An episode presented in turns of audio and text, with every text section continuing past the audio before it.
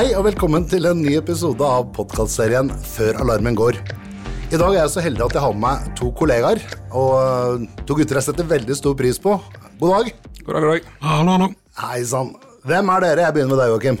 Ja, jeg heter Joakim Pedersen, eh, seniorpentester her i Adria. Og du? Ja, jeg heter Ramon Strandheim, og jeg er leder for penetrasjonstestene i Athea. Og da er det jo ikke noe hemmelighet at det er penetrasjonstesting vi skal prate om i dag. Det er sant. Er, øh, du, um, la oss begynne med dette her. Hva er egentlig penetrasjonstesting? Det kan vel kjært barn ha mange navn og greier? Ja, det er jo veldig, veldig kjært barn, har veldig mange navn, og det er veldig mye og, eh, kan du si, forvirring av hva som er de forskjellige typer pentestene. Veldig mange, Du har gjerne hørt om det som heter sårbarhetsanalyser, så har du penetrasjonstesting, og så har du det som kalles for red teaming. Så det er tre forskjellige ting. Ja, og det er tre vidt forskjellige ting på hvilket nivå av sikkerheten og manuelt arbeid du ønsker å ha med dette her, da. Ja, for som regel så blir dette prata om med litt sånn sammensurium, går litt i hverandre, gjør det ikke? Ja, og til eh, vår store frustrasjon veldig ofte. så du har gjerne da eh, Sårbarhetsanalyser er gjerne automatiske verktøy og, som skanner. Det ser gjerne på versjonsnummer eller hva som er de tekniske sårbarhetene. Ja. Så får du en helt enkel standardgenerert rapport uten noe særlig hands on arbeid fra oss.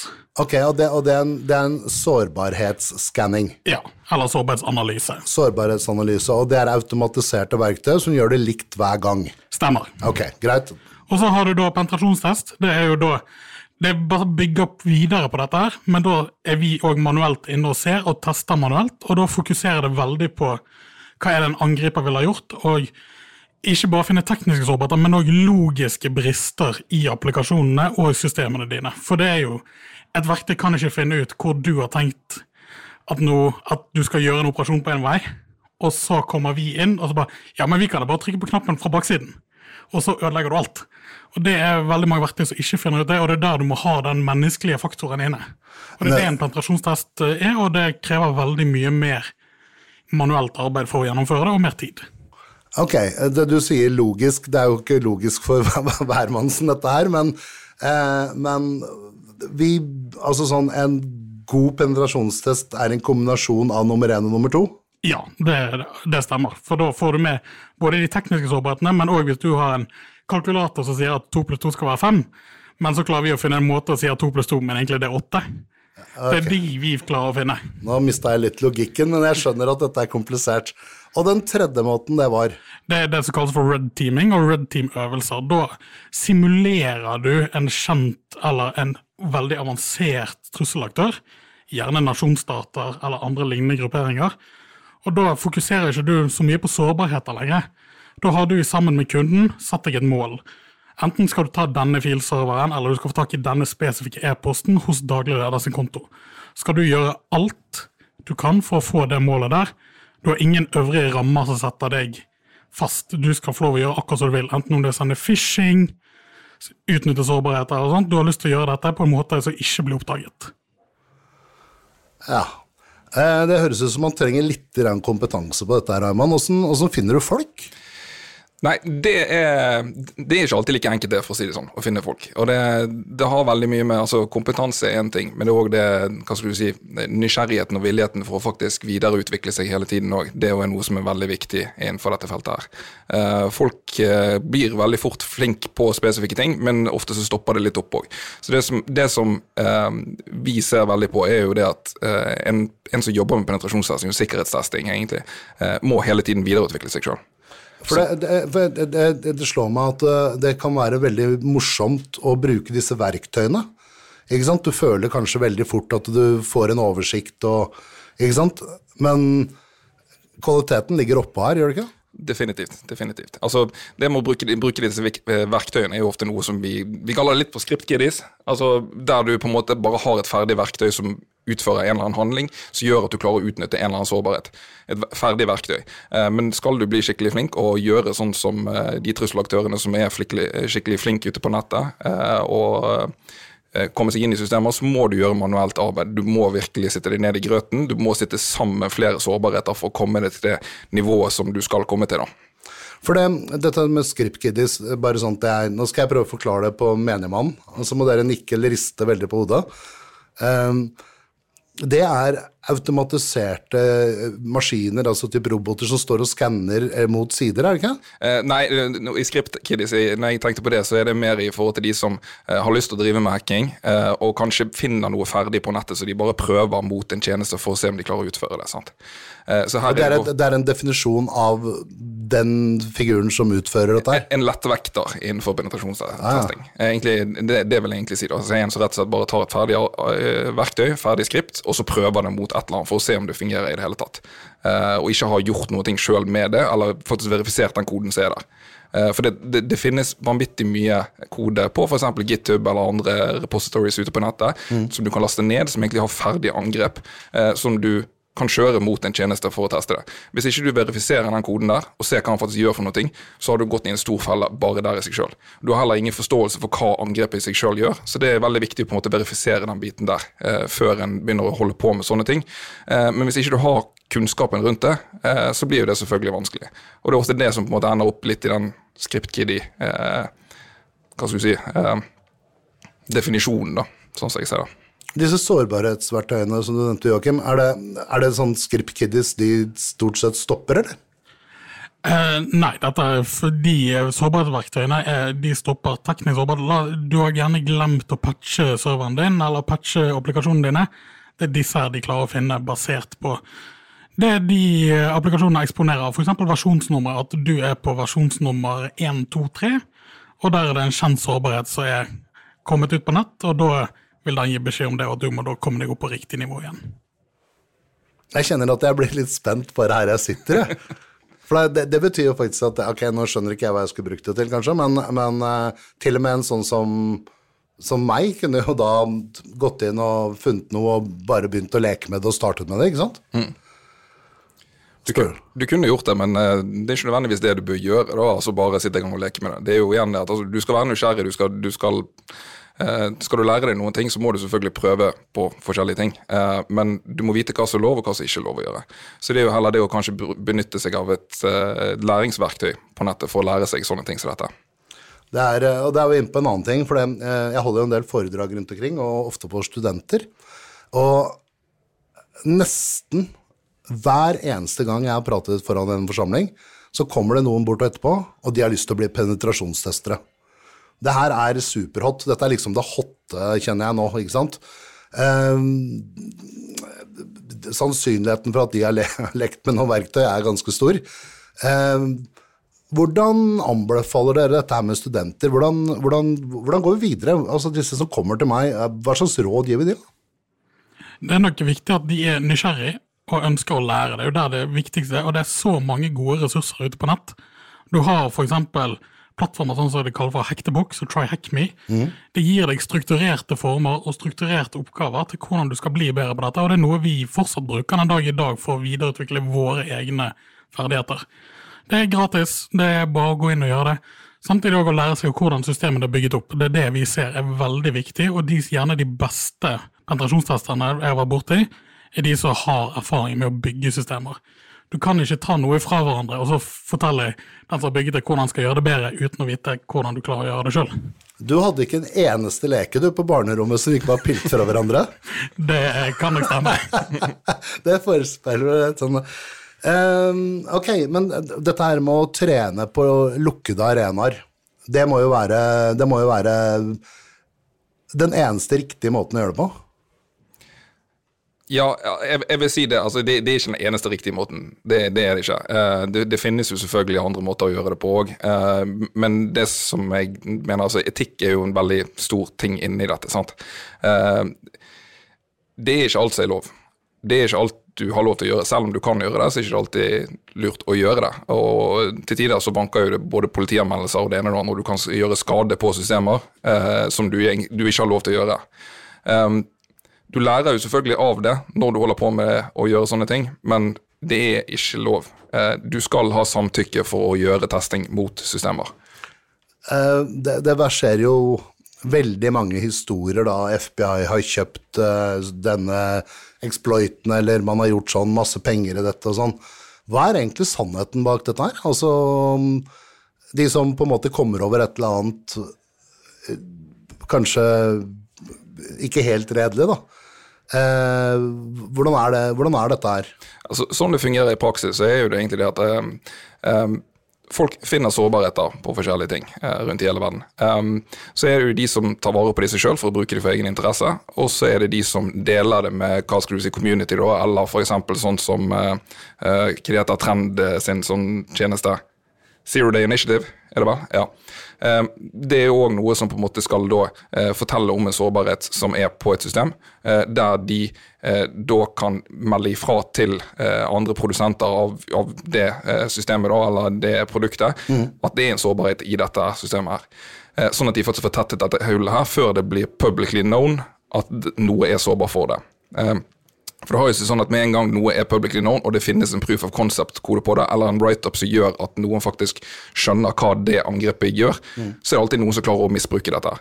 Og Da er det sånn katt og mus-lek om å få, få, få, ordnet systemene og få patchet systemene til det nivået som gjør at ikke de er sårbare for dette lenger. Vi hadde jo noen gode eksempler på det her i fjor, eh, som på en måte der det ble lekket kode for å utnytte sårbarheter, som ble tatt i bruk før folk hadde fått eh, patchet systemene sine. Og det blir jo kaos av det. Er det, hvorfor lekker man koden? Altså, jeg skjønner at dette er for sårbarheter. Da jeg begynte med IT-sikkerhet, så var det veldig mye for glory. ikke sant? Du fikk en status eh, i sånne miljøer fordi man på en måte kanskje visste om noe de andre ikke gjorde. og Det ble liksom sånn Sladderen hadde en veldig høy eh, eh, currency, da, for å si det sånn. Er det fortsatt litt sånn at man ja, får litt anerkjennelse etter hva man har funnet, eller hva man kan, kanskje? Det er det, ja. Eh, det, altså, det, det, det, er flere aspekter, egentlig. her. Altså, fordi Det er jo dette her med å få anerkjennelse for å faktisk ha funnet en sårbarhet. Det er jo faktisk noe. Altså, Du skal få kred for at du har funnet en sårbarhet i et system. Er det den kreden som driver mange?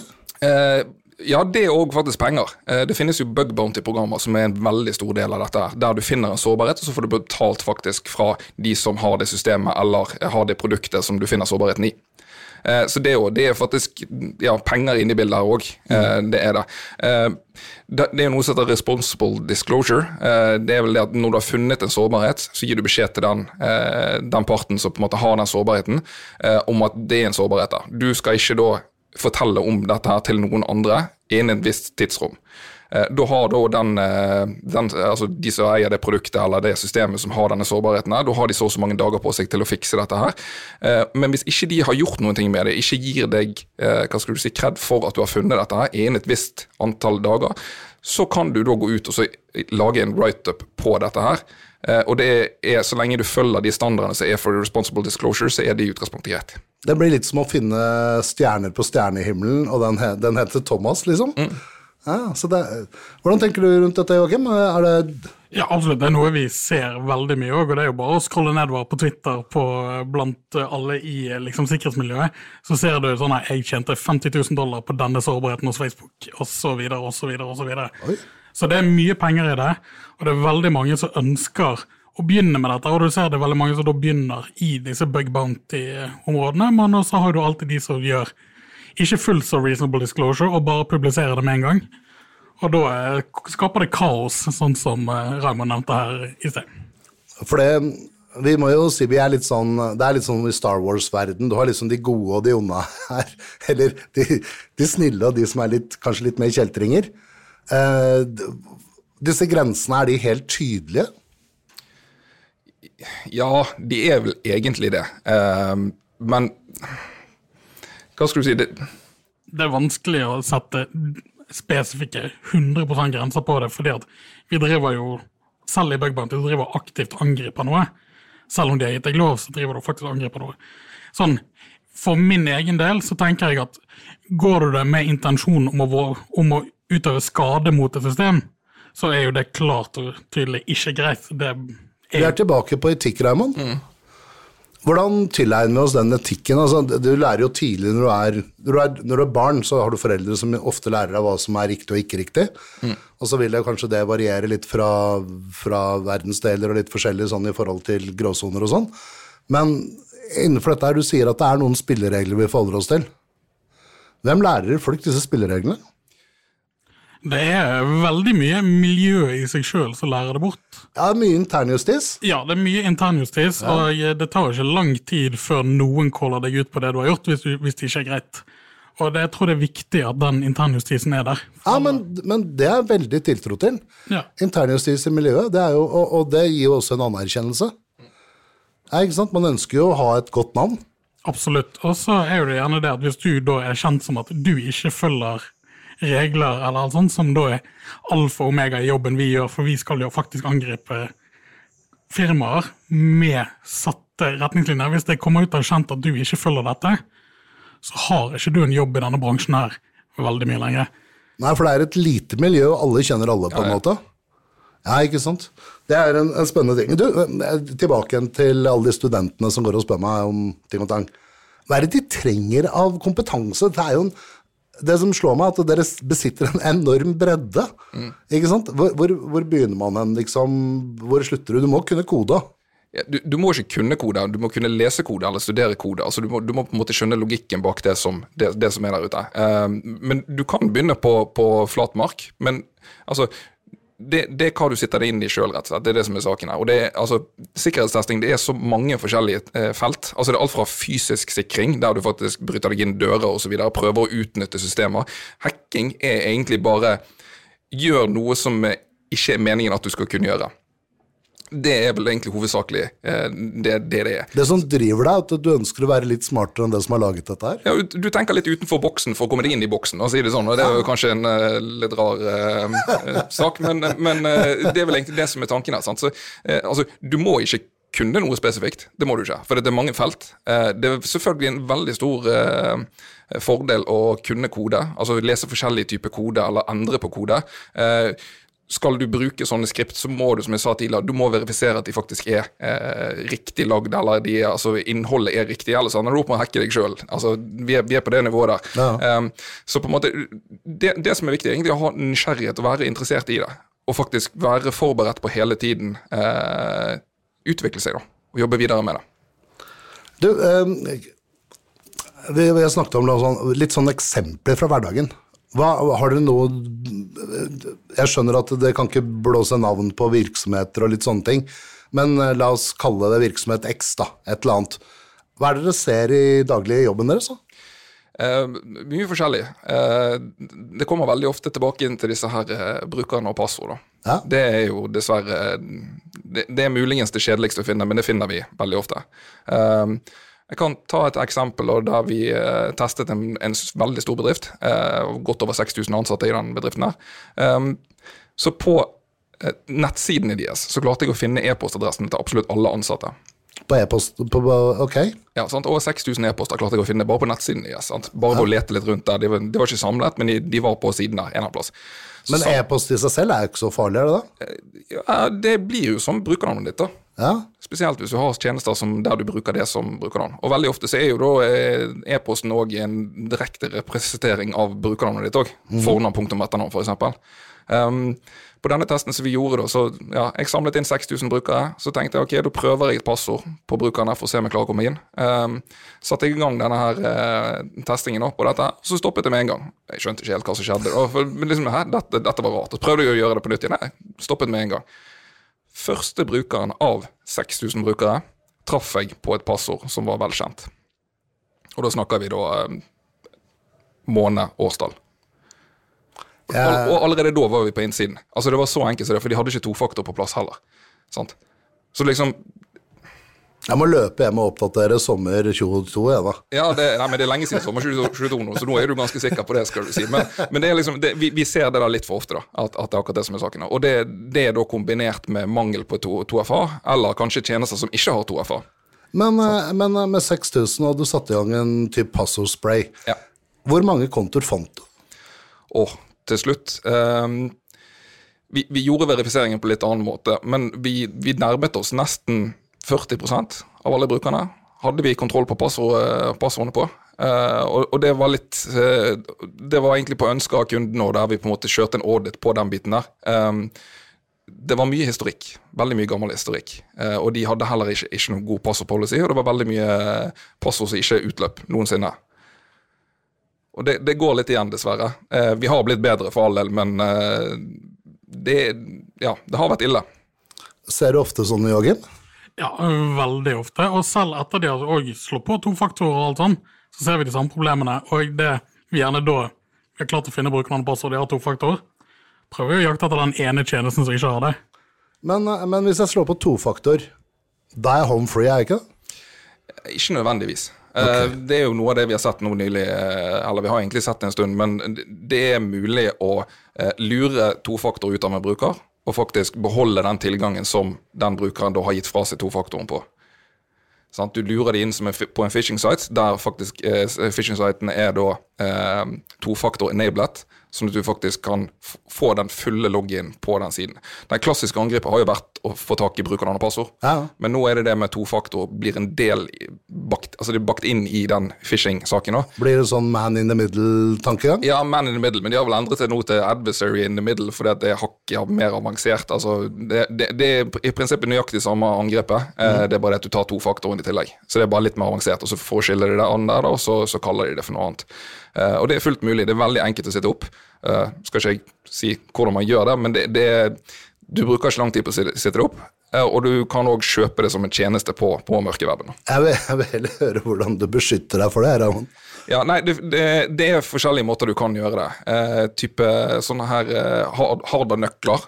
Eh, Fido, for eksempel, eller lignende. Sånne små Yubico, eller hva det heter? Ja, for Ja, ja, eksempel. ja. Ja, det er noe som kan hjelpe deg. Eller Windows Hello, der du på en måte er um, Grunnen til at det hjelper deg, uh, det er det at uh, den vil aldri autentisere seg mot en side som ikke er den tjenesten som du faktisk skal autentisere deg mot. Det er det den faktisk gjør, i, i, i prinsippet. Fordi at et sånn phishing-angrep det blir en sånn pivot-sak. Altså du, du går ut til én server, og så går den da videre til Office 365 eller Amazon eller hvilken tjeneste du bruker. Men dette, dette er eh, for de litt mer avanserte, eller? Ja, det vil jeg si. Du, eh, vi kunne sitte og pratet i evigheter om dette her. Jeg kjenner at jeg blir bare mer og mer engasjert. Um, tilbake igjen til lytterne våre her. Jeg får som sagt alltid spørsmålet hvordan kan vi bli en pentester? Hva skal vi lete etter, hva skal vi gjøre hvis jeg er interessert? Hvilke sider kan jeg følge med på? eh, Joakim? Ja, her er jo det sånn Vi vil jo alltid si lær deg å bygge systemene først. Lær deg å forstå programmering, programmeringslogikken, forstå nettverking, forstå hvordan servere er satt opp, hvordan de kommuniserer med hverandre. Så er det f.eks. Hack the Box, Try Hack Me og den biten der. Og så er det å engasjere seg i miljøet. Det er åpne konferanser sånn som B-Sides i Oslo, Hackon. Så finnes det Discord-community som f.eks. Norsec. Veldig stort innad i miljøet, og det er en fin måte å bli kjent med veldig mange. Det er jo kjent at miljøet er lite. Med en gang du begynner å bli kjent, og da får du en stor læringspotensial, så er det å bli med på Capture the Flag-konkurranser, f.eks. Ja, det er kult. Da lærer du veldig mye. Men eh, du er med på en du var med å lage en slags podkastserie for dette her òg, var det ikke? Det er sånn for et lite miljø. Ja, det er jo den som heter Shellcast. Det er jo da den vennegjengen jeg fikk når jeg var her i Oslo og flyttet til Oslo fra Bergen etter å ha studert. Ja. Så var det Jeg fant ut at det manglet en sånn teknisk sikkerhetspodkast eh, som der du egentlig bare preker dritt. Bare prate bits and bites. Ja, stemmer. Og det, jeg har vært med på en episode, heller, så er det noe som løper og går jevnlig. Og det um, For de mer teknisk interesserte av oss, så er det absolutt verdt å få med seg. Hva tenker du, Raymond? Er det sånne arenaer som dette? Har du noe å legge til? Absolutt. absolutt. Det er, altså, de er diskogruppene og som han sier, eh, podkastene. Eh, altså, komme seg inn i miljøet da, i en eller annen sammenheng. Og det, det er fordi at folk tar imot deg i, i dette systemet. her. Det er det som er saken, eller i eh, hva skal du si, communityet. Eh, så, så du blir fort kjent med hyggelige folk, hvis du er hyggelig sjøl, selvfølgelig. Og hvis du følger de etiske retningslinjene, ikke minst. Ja. Det er det viktigste her. ja, Ellers blir du fort arrestert, for å si det sånn. Veldig glad for å høre at man blir arrestert. Etikk, først og fremst. Du gutta, nå har vi kommet til slutten, og da er det alltid et par spørsmål jeg pleier å, å stille her. Eh, jeg kan begynne med deg, Joakim. Hva er din favoritt smart device? Det må nesten være støvsugeren. Denne robotstøvsugeren. Okay. Jeg sparer så mye tid i hverdagen. Ja, det er rett og slett et praktisk eh, eksempel. Fantastisk. Og du, Raymond? Jeg, em, jeg skal si eh, kamera, faktisk. Ja. Eh, de har blitt smartere nå. Jeg er veldig glad i å ta bilder. Eh, så, så, det har blitt en smart device nå. Eh, det kameraet jeg har, blant annet. Eh, det, det, hjelper de veldig mye å altså, å kunne bruke, koble det opp til telefonen, altså hente inn og ut eh, data osv., og, så videre, og på en måte se hvordan ting blir i, i praksis når en jobber med det. Eller å drive og ta bilder, det synes jeg er veldig greit. Uh, men jeg, jeg kan òg si eh, webkameraet mitt som beskytter hytten min. Ja. Fantastisk. Jeg trodde du hadde en sånn drone som bare fløy rundt og rundt hytta og landet og ladet jeg, og gikk opp. Jeg tør ikke fly den nå med alt som skjer nå i det siste. den går litt for fort, den bråker litt for mye. Så ja, nei, jeg har det òg. Det, det, er en fin device, det òg, skal du si. Han er ikke så smart, det, men Ja, fantastisk. Eh, og det siste spørsmålet jeg pleier å stille, er Jeg begynner med deg igjen, Joakim. Hva er ditt beste råd til, til, til lytterne våre? Det er um, ha, ha sunn fornuft når du er på internett. Er sånn, Alt er ikke sånn som det ser ut som. Tenk gjerne om to ganger. Og så er det rett og slett det beste anbefalingen jeg har, er å benytte seg kanskje av en sånn passordmanager. Oi. For da, eh, istedenfor å bruke samme passord overalt, så, eller du skal sitte og huske her på 150 forskjellige passord, for vi logger jo inn overalt, så har du ett system som holder kontroll på alt og kan generere kompliserte passord for deg. Og da trenger du bare huske på masternøkkelen din. Ja, genialt, Jørgen. Genialt. Du, Raymond? Ja, nå, tok han mange av mine gode poeng, holdt jeg på å si. Men, eh, men, han tok ditt ene ja, gode poeng. Ja, mitt ene, ene gode poeng. Ja. Nei, men det, jeg kan jo si det sånn, altså, jeg vet jo det at uh, mange av de som hører på dette, er jo IT-ansatte sjøl. Altså folk som jobber med dette. Um, jeg er veldig fan av at du skal rose at folk er litt altså at, at folk er flinke med sikkerhet og jobber med, med sikkerhet. Sant? Altså er, er, det noe som de er usikre på, hvis de ser noe som ikke stemmer, at de gir beskjed om det, kjempebra. Selvfølgelig, Det blir jo ofte veldig mye, sant? og du blir litt sånn irritert når den ene personen kommer tilbake og sier ja, kan du se på denne mailen, men, men ros det heller. Mm. Fordi at sikkerhetsmentalitet, at, at det blir tatt godt imot, det er i mine øyne veldig bra. Og det er da du potensielt catcher de her tingene som har kommet inn i systemet som ikke skal være der. Sant? Hvis den personen som da på gang på gang kommer tilbake igjen, og du kjefter på dem fordi at de har funnet et eller annet i systemet, er sånn, ikke gjør det. Ta heller og Snakk med dem, og, og hør på hva de sier. Eh, og så fortell de eh, hva det er for noe, og så ros de når de kommer med noe, noe godt. Og egentlig òg når det ikke er noe godt. Også, altså ros Per og Ulven. Ja, rett og slett. Ja, ros ja. Per og Ulven, altså. Fantastisk. Du, da sier jeg tusen takk til, eh, det, til dere for at dere tok turen i studio. Og til lytterne våre der ute, stay tuned, kommer ny episode hvert sekund.